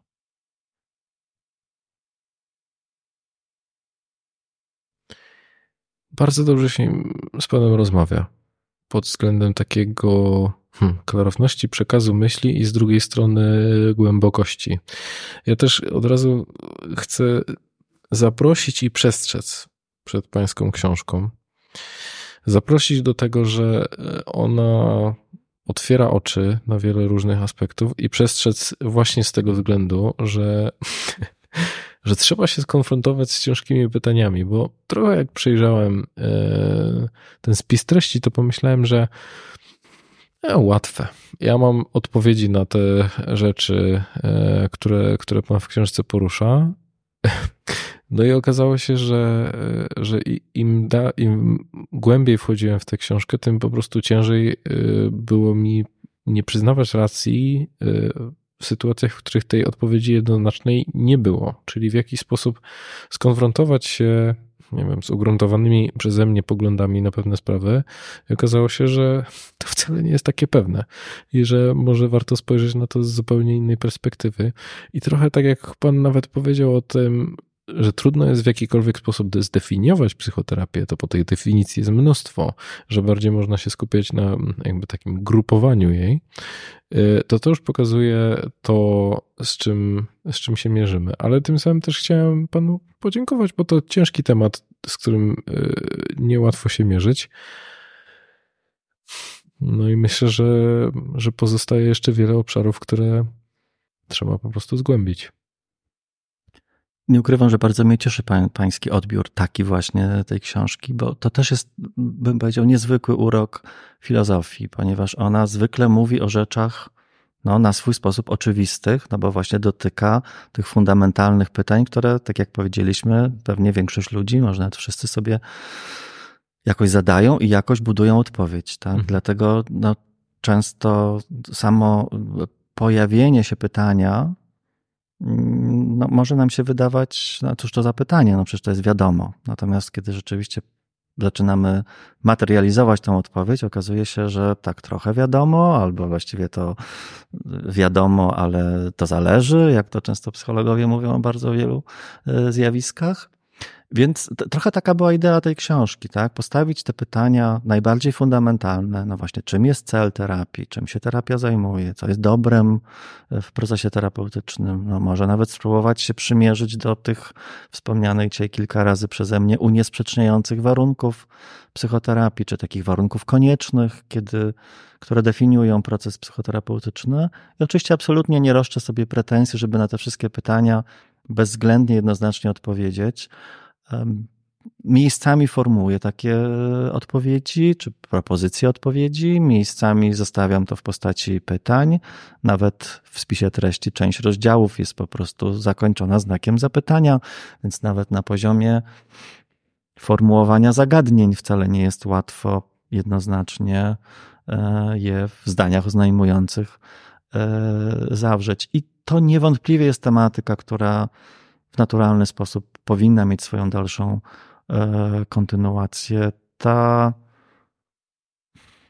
wiedza na ten temat, ona się buduje wysiłkiem, myślę, wielu badaczy, wielu filozofów, też wielu terapeutów, praktyków.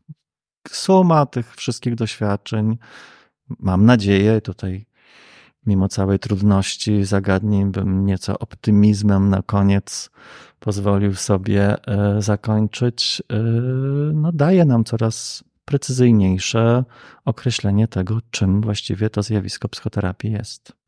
A jak pana jako psychoterapeutę zmieniła ta książka?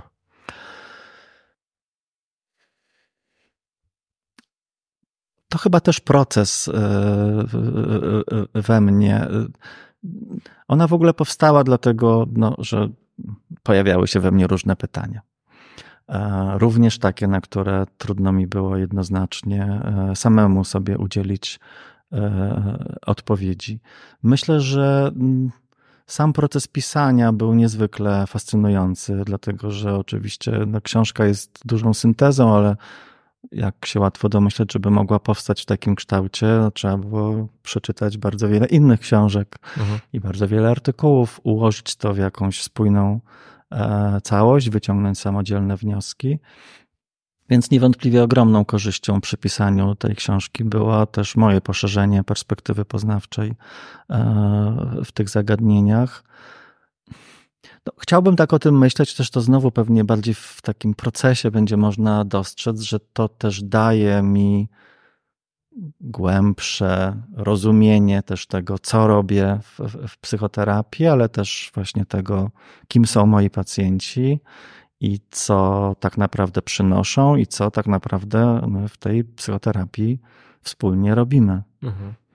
Ale trudno mi w tym momencie jednoznacznie ocenić, jak dalece to pogłębienie się wydarza, i to chyba znowu kolejna z takich tajemnic, no chyba w ogóle rozwoju człowieka, że gdzieś widzimy dopiero to, co się z nami wydarzyło, no raczej z perspektywy obejrzenia się i zobaczenia tego trochę no, za czas jakiś. Mhm.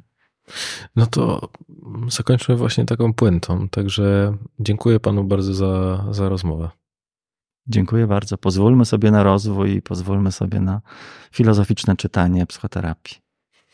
Dziękuję bardzo. Słuchasz podcastu charyzmatyczny.